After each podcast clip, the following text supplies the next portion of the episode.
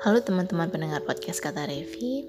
Hari ini kita akan berbicara tentang apa saja sih yang perlu kita capai sebelum nanti ajal menjemput. Sedikit berat ya, tetapi bagi saya bahwa kematian itu juga sama halnya dengan kelahiran. Kita semua pasti akan mengalami itu. Cuma kita tidak tahu kapan.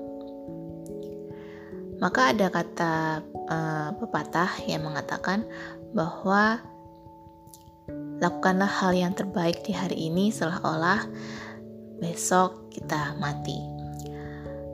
Ada juga yang berkata bahwa masa depan itu hanya bisa ditentukan oleh hari ini. Jadi ya sekiranya sama ya.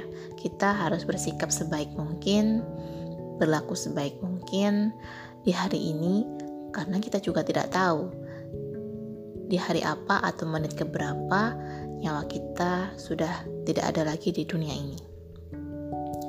Kalau berbicara soal hal-hal yang ingin saya capai sebelum saya tidak ada di dunia atau meninggal, yang pastinya saya yang pertama adalah bisa membahagiakan orang tua. Memang hingga nanti pun misalnya saya tidak ada di dunia, pastinya membahagiakan orang tua itu juga tidak sebanding dengan jasa yang mereka berikan pada saya. Ya, setidaknya dengan bekerja saya bisa memberikan hadiah untuk mama dan papa, lalu bisa mengajak sekeluarga liburan, sesekali mengajak mereka makan bersama di luar. Hal-hal kecil yang mungkin uh, tidak bisa membalas atau mengganti seumur hidup waktu mereka sebagai orang tua saya. Tetapi setidaknya saya ingin melakukan hal yang uh, menurut saya baik ini. Lalu ada yang bertanya, bagaimana kalau hubungan dengan orang tua itu tidak baik?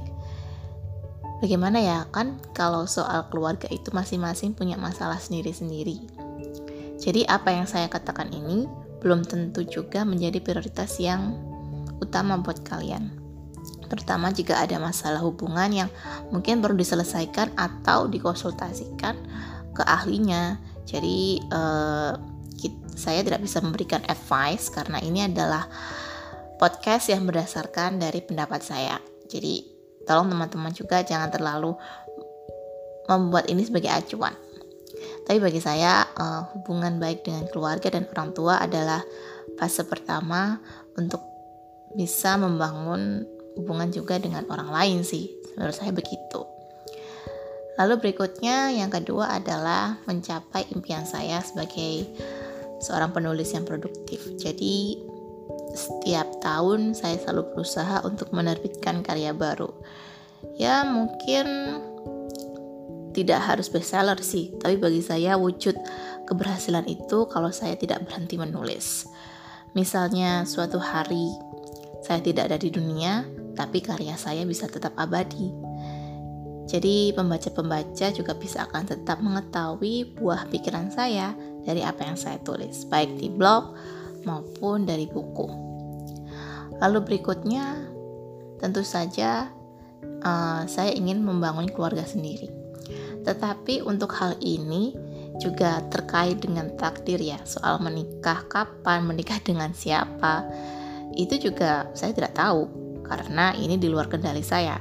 Yang bisa saya lakukan adalah melakukan hal yang terbaik untuk memperbaiki diri saya sendiri. Misalnya, saya belajar untuk mengontrol emosi, lalu belajar supaya nggak gampang baperan, dan juga belajar untuk mau menghargai pendapat orang lain. Ini bisa dibangun dari cara kita bersosialisasi dengan teman, dengan rekan kerja, atau dengan keluarga misalnya.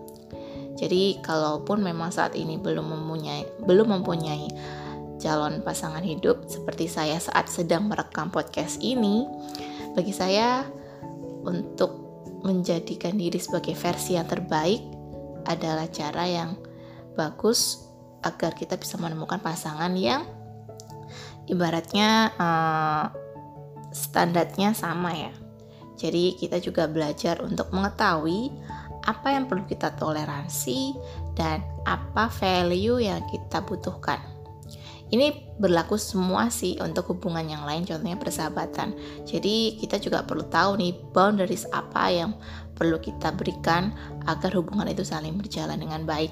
Jadi uh, kalau value-nya value-nya tidak sama tidak ada saling respect bahkan dalam hubungan pertemanan pun bisa menjadi toksik jadi menurut saya uh, untuk bisa menjadi orang yang lebih baik sebelum nyawa kita diambil adalah ya belajar terus untuk memperbaiki diri sendiri. Dan yang terakhir, hmm, saya ingin bisa belajar banyak hal, menjelajahi banyak tempat baru sebelum nanti misalnya saya tidak ada lagi di dunia. Tetapi karena adanya corona pastinya ini terbatas. Cuma untuk belajar kita bisa melakukannya dengan via daring ya kan. Walaupun tidak harus mm, pergi ke tempat-tempat yang jauh. Inilah apa yang ingin saya lakukan sebelum nanti waktu saya habis di dunia.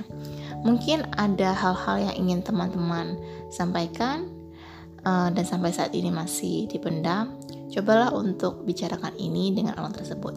Atau misalnya jika ada yang ingin melakukan atau menakuni passionnya, jangan tunda lagi. Tekuni sekarang karena waktu tidak akan berjalan mundur, tapi akan terus melaju. Sekian podcast kata Revi hari ini. Semoga bermanfaat buat teman-teman pendengar. Sampai jumpa di podcast kata Revi berikutnya.